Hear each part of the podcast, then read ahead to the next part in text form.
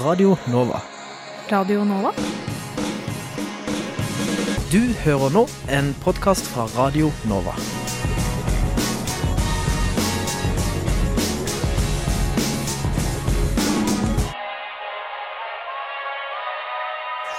Studentnyhetene. Hjertelig velkommen skal du være til eh, denne timen med studentnyhetene her på Radnova. Sola skinner og det er, eh, er litt kjølig i lufta, men eh, i dag skal vi bl.a. snakke om Eh, hva skjer med Ungarn-psykologene som saksførte staten? Vi har tatt en prat med en av dem. I tillegg så kommer det flere oppskrifter på Nolo-drinker, som tilbyr også flere barer eh, har slike drinker nå. Vi skal også snakke om Kirkens Bymisjon, som eh, delte ut oransje skjerf grytidlig om morgenen i dag. Og politiets nettpatrulje advarer mot falsk karrieremesse. Det nærmer seg studentparlamentsvalg på Oslo OsloMet. Hvorfor skal du bry deg? Og kurdisk-norske studenter eh, terrorstemplet i tyrkisk etterretningsrapport ber eh, norske myndigheter om å ta tak i situasjonen. Hjertelig velkommen skal du være. Eh, Aller først så skal vi ha nyhetsoppdatering.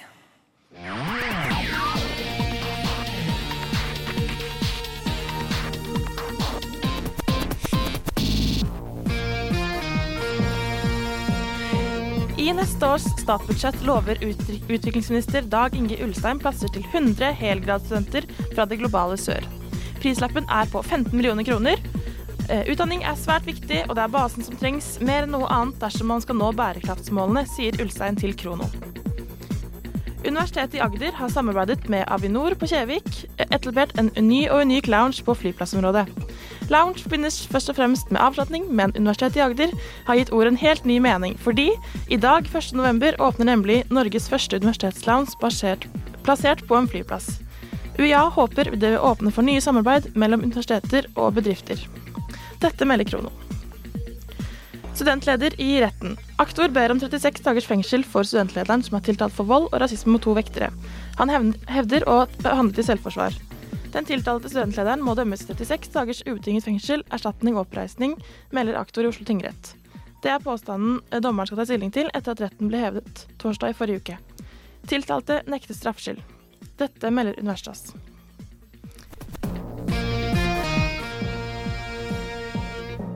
Det var en nyhetsoppdatering ved Johanne Austdal. I 13 år har studenter fra Norge kunnet reise til ELTE-universitetet i Ungarn for å bli utdannet som psykolog.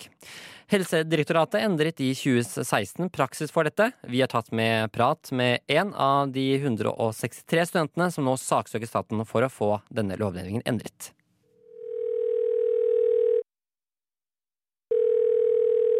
Inger-Lise Bråten har tatt en bachelor i psykologi fra Lillehammer og en toårig master i Ungarn. 163 studenter har saksøkt staten. Inger-Lise er en av dem. Vanligvis kunne en reise ned til Ungarn på Clinical and Health Psychologist på Etvøs Lorand-universitetet, også kalt ELTE-universitetet, og ta en klinisk master etter endt bachelor her i Norge. Og så komme tilbake til Norge og ta ett år i praksis i spesialhelsetjenesten, for så å søke om autorisasjon for å få innvilget det å få tittelen psykolog i Norge.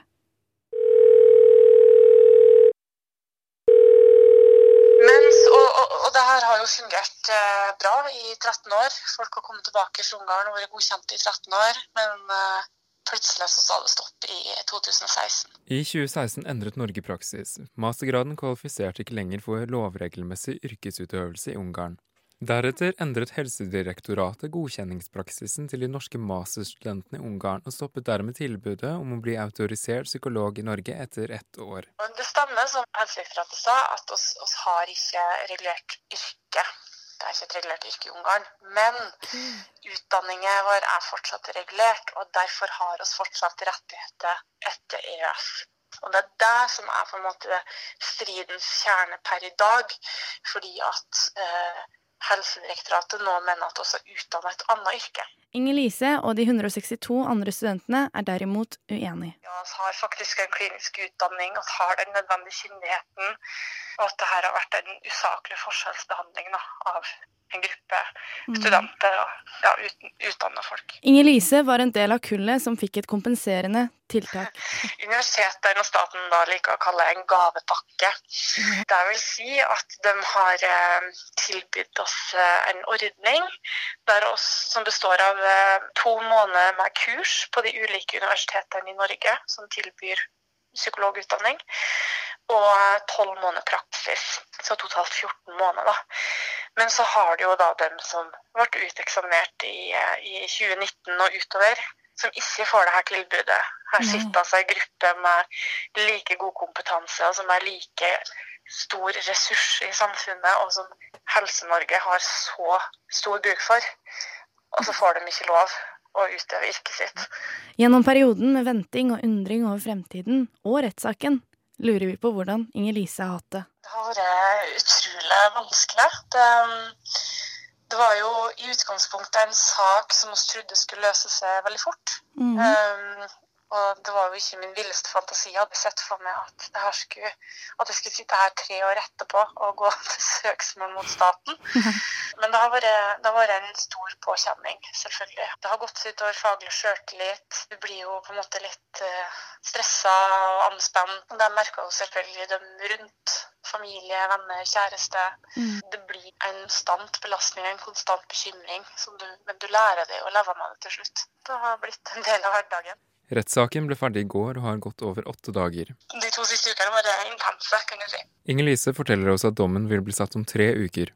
Til noen siste ord lurer vi på hvilken følelse Inger Lise sitter igjen med. Det kjennes egentlig veldig bra. Jeg føler at det gikk veldig bra i, i retten. Jeg, jeg har troen på saken vår. Jeg føler at vi har en sterk sak.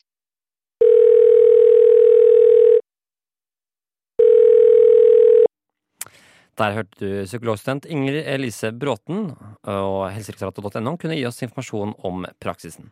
Reporter i saken det var Nora Torgersen og Stig Gøran Skogvang. Nå skal vi høre om studentorganisasjonen Juvente, som jobber for at flere skal få øynene opp for den enda litt ukjente no-low-trenden. Hørt om Nolo drinks? Nei, det har jeg ikke, dessverre. Nei, det har jeg ikke. Nolo-trenden går ut på at flere ønsker å ha ingen eller lite alkohol i drinkene sine ute på byen. Og dermed tilbyr også flere og flere barer slike drinker. Hva ville du valgt av en Nolo-drink og en vanlig drink? Kanskje en Nolo-drink, faktisk. For jeg er ikke så glad i alkoholsmaken. Christina Babington er leder for Juvente, som er en ungdomsorganisasjon som ønsker en verden der rusmidler ikke skaper problemer. Organisasjonen støtter den enda litt ukjente Nolo-trenden.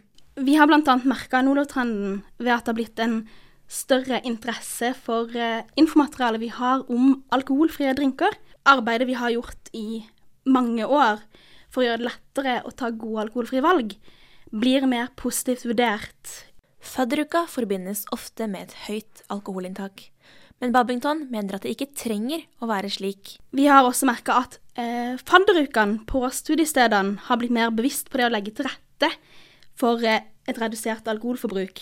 Selv om vi fremdeles har et ganske godt stykke å gå der, da. Trenden bidrar jo helt klart til at det er lettere å velge å ikke drikke alkohol, eller velge å drikke mindre alkohol når man er på byen eller er i en sosial sammenheng. Vi jobber med å sikre individuelle ferdigheter og sosial støtte for å være å drikke alkohol så lenge eh, vi har eksistert. Gjennom Bedreruten så deler vi oppskrifter på alkoholfrie drinker. Vi deler steder hvor du kan få tak i alkoholfrie drinker. Og vi deler tips til hvordan du kan motstå drikkepress. I Bedreruten så har vi også et eh, barkonsept hvor vi kan bli invitert til ulike typer arrangementer. Og så setter vi opp en alkoholfri bar og selger billige alkoholfrie drinker. Reporter i saken var Linnea Celine Søgaard, og hun intervjuet Christina Babington. Tidligere i morgen så delte Kirkens Bymisjon ut eh, mange skjerf, eh, og det var kjølig og greier. Eh, Men vi, har, vi var med å høre annet hvordan det var å dele ut disse skjerfene. Hei, kan jeg gi deg et skjerf? Varmer tre ganger. Varmer når du strikker, varmer når du tar det på. Og har en kjempefin symbolverdi i at vi bryr oss om de som ikke har det så bra. Klokka er halv seks på morgenen, og jeg er nå på vei for å treffe en gjeng fra Kirkens Bymisjon som skal ut og henge opp og dele ut oransje skjerf på Bislett. De oransje skjerfene er et resultat av en strikkedugnad fra tusenvis av nordmenn. Jeg er med Kristin Myller Nilsen? Jeg jobber her på Sankthanshaugen frivilligsentral. Jeg lurer litt på at Tidligere så har jeg sett at dere henger opp skjerf steder hvor det er mange som ser skjerfene. Er det noen steder rundt Bislett som egner seg godt for å henge opp skjerf? Du, vi har jo tenkt at vi skal gå ned i rundkjøringa her ved Bislett stadion. Og Sankthanshaugen på Parken og på busstoppet. Altså der, hvor det er mye folk til og fra jobb, egentlig mest av alt. da.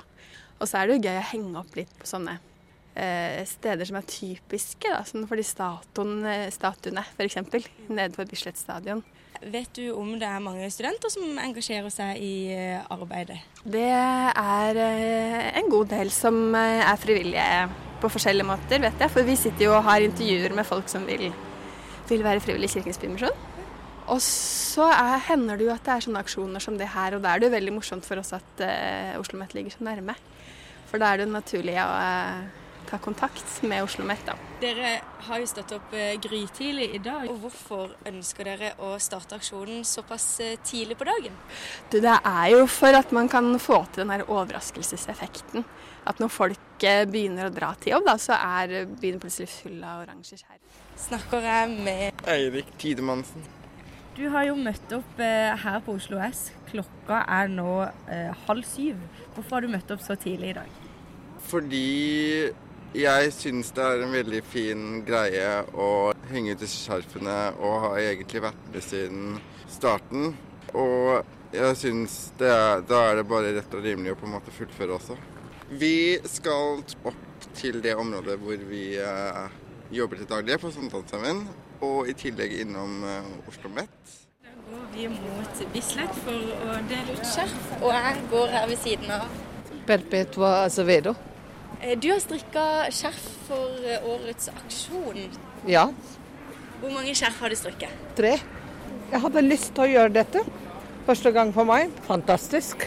Og uh, håper andre steder i landet har også strikket mye. Så det blir, de gjør mange glede i dag.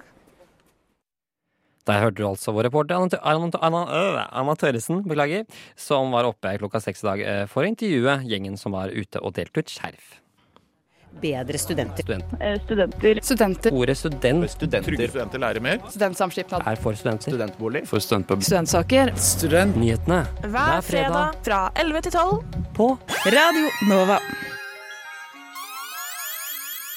Eh, politiets nettpatrulje Oslo har på sin Facebook-side eh, advart mot falsk karrieremesse Oslo Studentjobs. Studenter ble bedt om å sende inn personlig informasjon, e-postadresse og CV for å delta. Politiets nettpatrulje frarådet derimot studenter fra denne siden da det ble funnet ut at gruppen og dets arrangement ikke er reelt. Jeg er nå på Oslo politistasjon Grønland, og jeg har med meg Nettpatruljen Oslo. Hvem er dere? Jeg heter eh, Anne Katrin. Jeg er fagleder på Nettpatruljen. Jeg er eh, Maiken. Jeg er politibetjent. Og jeg er Chris. Jeg er stedfortreder for fagleder. Kan dere først fortelle meg litt om Nettpatruljen? Ja, Nettpatruljen, de, eller vi, jobber forebyggende opp mot borgerne i Oslo. Vi jobber på tre kanaler, sosiale mediekanaler, som er Facebook, Instagram og Snapchat. Og så har vi en toveiskommunikasjon på Messenger, som er et lavterskeltilbud mot borgerne til å ta kontakt med oss. Vi jobber med mange forskjellige saker. Vi jobber med alt ifra å forebygge, gi råd og veiledning til borgerne der ute. Vi jobber med tips som kommer inn. Vi jobber med åpne kildesøk. Vi jobber i initialfasen i etterforskningssaker for å hjelpe etterforskerne i sine saker. Vi jobber med alt fra trusler til hatmeldinger, vold, seksuelle krenkelser, bildedeling osv. Så, videre. så vi jobber egentlig med mye forskjellig, da. I saken der dere avslørte Oslo Student Jobs, hvordan gikk dere frem, og kan dere fortelle litt om saken? Det jeg kan fortelle er at vi fikk inn et tips om denne nettsiden. Da laget vi en post og innhold med det. Vi så på det såpass viktig å informere om at det fantes en nettside som ønsket personinformasjon fra studenter. Så da lagde vi den posten ut ifra et tips. Ja, og Noe vi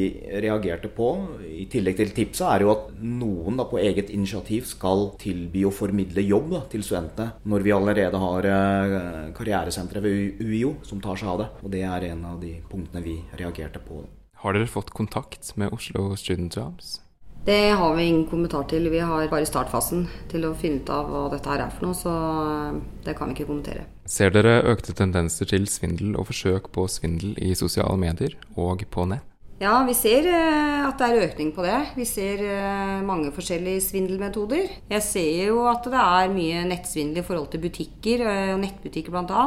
Hoteller, flybilletter. Altså det er, det er mye svindel der hvor folk ønsker å bestille noe. Ja, og det vi ofte får tips om fra folk òg, er jo at de får en e-post eller en SMS gjerne. Det er litt sånn gjenganger, da. At mange, mange, får det. Og dessverre er det mange som lar seg lure, fordi man, man handler raskt og trykker på en link eller åpner noe man ikke bør. da. Vi oppfordrer folk til å være observante på e-poster fra ukjente sendere. Hva med hatytringer eller diskriminering på nett og sosiale medier eller falske profiler? Det har vi, vi har fått inn flere tips i det siste om falske profiler. Det er mange som utgir seg for å være noen andre, for å innynde seg hos en viss aldersgruppe de eh, vil ha kontakt med. Når det gjelder hatytringer, så er det også noe som forekommer veldig ofte. Det vi føler at folk tør å ytre seg mer på nettet, fordi de kan skjule seg bak en skjerm eller eh, en mobiltelefon.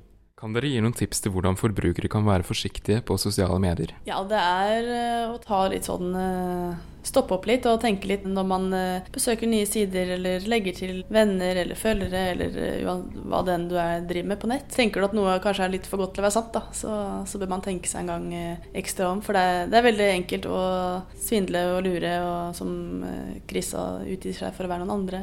Man må kanskje være litt mer forsiktig enn før, fordi nettet blir stadig mer og mer brukt på litt lure måter til å lure folk. Kanskje lurt å ikke lagre kredittkortinformasjon, alt på nett nettleser. Da. Det gjør det enklere å handle på nett, men eh, det er kanskje litt det er tryggere å ikke lagre all kortinformasjon og personlig informasjon på nettleserne. Nå er det jo så mye snakk om sånn svindelmetoder at nå jo, må jo folk begynne å få det med seg. Politiet er nå mer tilgjengelig enn noensinne og kan nås på sosiale medier og Facebook. Ja, vi er veldig vi er tilgjengelige på Messenger-chatten. Der er det alltid folk som svarer raskt. Vi har jo også konto på Snapchat som heter Nettpatt Oslo. Og Instagram-konto Nettpatruljen. Så det er bare å besøke sidene våre og like og følge. Og gjerne fortelle venner og familie om tilbudet, og, og vi skal hjelpe deg så godt vi kan. Da kan man komme tips, spørsmål, som Maiken sier, lavterskel. Så man kan, eh, i stedet for å ringe inn og vente, så kan man heller bare sende oss en melding. Så får man alltid snakket med en politibetjent. Der hørte vi Anne Katrin, Maiken og Chris fra Nettpatruljen Oslo, og reporter i saken var Stig Gøran Skogvang. Tenk deg at du kunne være med å bestemme hvordan universitetet ditt eh, skal styres. Nå har du kanskje sjansen. For i slutten av november så er det nemlig klart for studentparlamentet ved eh, studentparlamentsvalget for 2020 på Storbyuniversitetet Oslo OsloMet. I studio har vi nå fått på plass eh, dagens leder for studentparlamentet ved nettopp Oslo OsloMet, eh, Ola Gimse Estenstad. Takk for at jeg fikk komme. Bare hyggelig. Ola, kan ikke du forklare litt sånn til lytterne våre, hva er det egentlig dette valget her går ut på? Det her går ut på at vi skal velge forskjellige representanter til eh, parlamentet vårt. Vi har valg på hvert fakultet, så da er det fakultet for helsevitenskap, fakultet for samfunnsvitenskap, for lærerutdanninger og internasjonale studier. Eh, og på siste fakultetet vårt for teknologi, kunst og design. Og avhengig av studenttallet så kommer det inn så mange antall representanter. Og så stiller man som seg sjøl. Altså litt sånn i et sånt presidentvalg, da. Så du stiller som din egen lille president eh, for ditt fakultet, og prøver å få så mange stemmer som overhodet mulig for å kunne bli valgt inn til parlamentet. Hvor mange kandidater er det liksom totalt til parlamentet på Oslomet? Eh, det er 27 eh, per dags dato, er det. Og det justeres jo år etter år. Eh, etter studenttallet man har og litt forskjellig. Men vi føler at det er et ganske fint representativt utvalg som er med på å forme politikken på universitetet vårt på en god måte. da. Og så lurer jeg på, eh, Hvordan stiller man som kandidat? Du stiller ved å fylle ut eh, nettskjemaet vårt som ligger ute på nett nå. Du kan enten søke på studentparlamentet.blogg.no, eller bare søk studentparlamentet Oslo Met på Google. Det er egentlig det enkleste. Eller så kan man bare fære inn på Facebook-sida vår og søke på Studentparlamentet der. Så har vi delt et par innlegg der man finner linken ganske enkelt. Her så skal du bare skrive inn navnet ditt, skrive inn eh, ikke nummeret ditt, for så vidt. Jeg tror det er kanskje nummeret ditt også, jeg husker helt spesifikt. Så skriver du inn mailen din, hvilket fakultet du kommer fra, så husker du av hvilke hjertesaker du muligens har, hva det er du har lyst til å kjempe for, f.eks. om det er billigere kantinepriser, om det er det at du vil ha et bedre læringsmiljø hvis inneklimaet er for dårlig, eller så kan det bare være at du har lyst til at universitetet skal bli mer klimanøytralt, og at man skal arbeide mer for bærekraftsmålene. Hvis vi har en, en av lytterne våre som nå vurderer og tenkte ja, kanskje jeg skal stille til valg, eh, hvorfor skal de stille til valg? Jeg kan ikke si hvorfor de spesifikt kan, skal stille til valg, men jeg skal, kan si hvorfor jeg stilte til valg. Fordi at jeg stilte til valg for at jeg ville gjøre en forskjell på universitetet. Jeg ville se at studentene som var rundt meg, fikk det faktisk bedre i hverdagen sin. Og det å se det resultatet av at noe du gjør, faktisk får virkning i virkeligheten, det er en ganske sånn stor opplevelse. da. Så jeg tror at hovedgrunnen til at du skal stille, er fordi at du får muligheten til å være med på å endre universitetet til en positiv retning. da. Du får mulighet til å få deg bl.a. nye venner, du får deg et nytt miljø, og du blir kjent på tvers av fakultetene som vi da har på universitetet vårt. Men det er også litt sånn, Du nevnte litt, litt i forhold til disse representantene. altså Er det liksom likt fordelt mellom de ulike fakultetene i, i, i parlamentet? Eh, nei, det er litt sånn som jeg sa. Det er fordelt på antall studenter per fakultet. Men man prøver å få det så jevnt som mulig. Så jeg tror at helse det er dem som har flest. Og så er jeg litt usikker på om det er teknologi, kunst og design eller eh, samfunnsvitenskap som har minst. Men det er sånn cirka jevnt mellom åtte til fem representanter. Også, ved studentparlamentets valg for høsten 2018 så ble valgoppslutningen på 7,62% mot 12% i 2017. Eh, hvorfor tror du det gikk så dårlig med forrige valg i forhold til 2017? Eh, Nei, Man kan jo ikke si noe konkret om hva som var årsaken til at eh, valgresultatet ble så lavt. Det var jo lagt inn en veldig stor innsats fra arbeidsutvalget som satt da. De hadde jo bl.a. hatt veldig mange stands, de hadde reklamert veldig mye for det på sosiale medier, reklamert mye for det på universitetet og generelt prøvd å få opp valgengasjementet. Men det kan jo generelt være det at studentene ikke så poenget i stemme, eller man ikke var synlig nok for studentene. Og da er det et arbeid man må ta med seg videre. Det kan være at man hadde for få kandidater. Og har man for få kandidater, så vet man at eh, færre stemmer. Si da at du har 100 kandidater versus 20 eh, kandidater. Da kommer det selvfølgelig til å være flere som stemmer når det er 100 kandidater, for da er det flere folk som kjenner hverandre. Og man stemmer jo selvfølgelig inn dem man kjenner som oftest, siden man er litt sånn Å, personen der, den vet jeg av. Den kommer til å gjøre en ganske god jobb. Så det avhenger egentlig av mange forskjellige faktorer, men konkret hva, det kan man egentlig ikke si. Har dere noen planer for å bedre oppslutningen i år, da? Ja, eh, vi satser på å få flere til å stille til valg, gjør vi. Vi satser på å reklamere for ting på sosiale medier. Vi prøver å ha kontakt med universitetet, få ta over Instagrammen deres for å reklamere til en større gruppe. Vi har jo kun sånn ca. 600 følgere på Instagram, mens universitetet har sånn ca. 5000 ish. Så det er jo en større målgruppe å nå ut til. Så prøver vi å få innlegg på radio sånn som det her, og få snakka om valget, for å få reklamert det ut til studentene. Eh, det er et ganske stort arbeid som gjøres for at man skal få opp valgoppslutninga. Vi skal ha stands, eh, vi skal ha generell reklame. Eh, og vi må jo mobilisere og sørge for at de som stiller til valg, har da muligheten og de verktøyene de trenger for å få den oppslutninga de ønsker for å komme seg inn i parlamentet. da. Men det er jo en konkurranse. Så det er jo den som havner på toppen, er den som vinner. Eh, men i parlamentet så har vi en regel som heter du er ikke bare vara. Eh, du er vara, og du har fullstendig talerett. Du har lov til å komme med dine forslag. Det har egentlig alle studenter på Oslo OsloMet. Så alle har mulighet til å stille og si sin mening allerede nå. Det er bare som er unikt for representantene, det er at de også har stemmerett. Mm. Det er, også, det er litt interessant å sammenligne det valget på, på Oslo Met med, med, det andre universitetet i Oslo, nemlig Universitetet i Oslo. Eh, og eh, de har jo valgdeltakelse eller ved forrige valg da, i, nå i mars 2019, så hadde de på ca. 19 eh, Og det er jo en del lavere i Oslo Met. Altså, tror du er det student, er, er, det studentene som er for lite engasjert i sakene, sakene som opptar om dem, eller, eller er det på en måte at de ikke vet så mye om det, eller hva tenker du? Eh, jeg tror egentlig at er forskjellige faktorer. Blant annet så har jo UiO listevalg. Eh, det opererer ikke vi med. Listevalg vil jo si at man stemmer mer ut ifra ideologiske standpunkt, eh, som f.eks. hvis man tar Venstrealliansen, som er på sosialistisk side, versus moderat liste, som er på høyresida, så får man litt sånn større kontraster, da, og muligens også litt mer spenninger i den politikken som er. Eh, og det kan jo ha utslag på høyere oppslutning.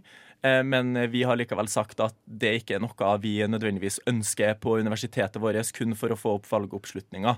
Eh, men igjen så har jo UiO også slitt med valgoppslutninga si, og man kan jo ikke si konkret hva det er som leder til at ikke si 70 eller 80% av studentene stemmer, da. Ok, men okay, um, Vi tar igjen tilbake til uh, kandidaten. Altså, uh, bare for å liksom, uh, oppsummere her, at hvis man har lyst til å stille kandidat, når er det man kan gjøre det? Du kan stille til kandidat fram til 6. november nå. Så skal vi begynne på valgperioden vår etter den uka, på mandagen som kommer etter neste uke.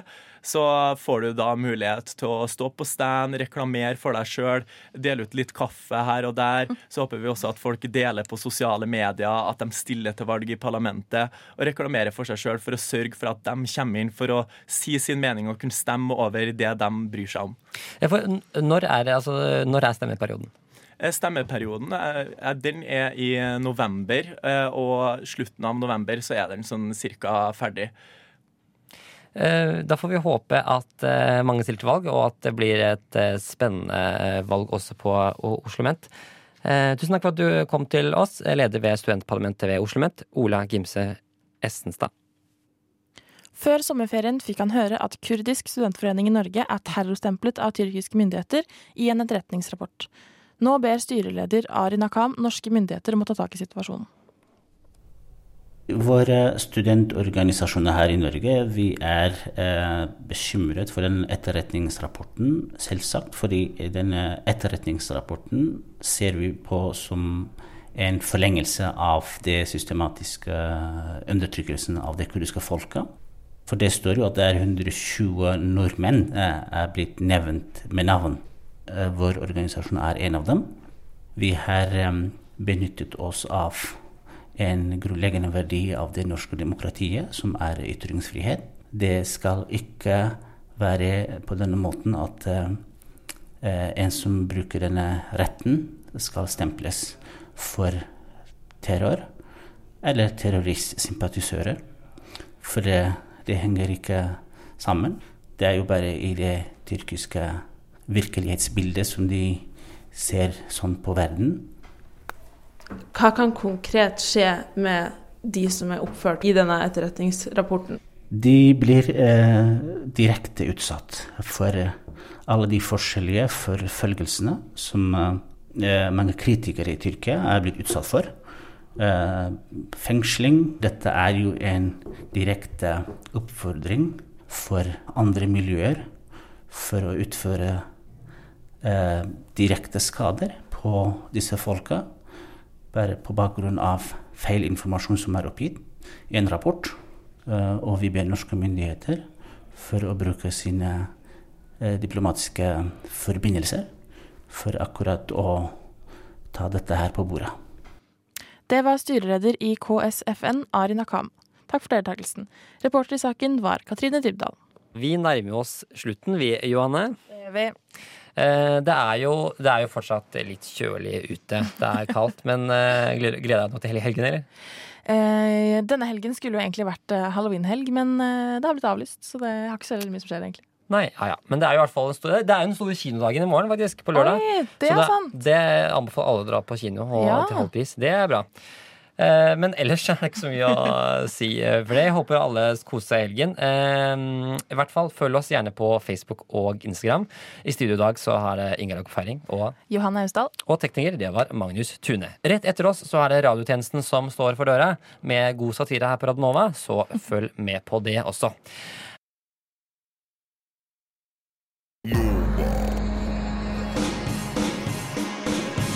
Du har hørt en podkast fra Radio Nova. Likte du det du hørte? Du finner flere podkaster i iTunes og på våre hjemmesider radionova.no.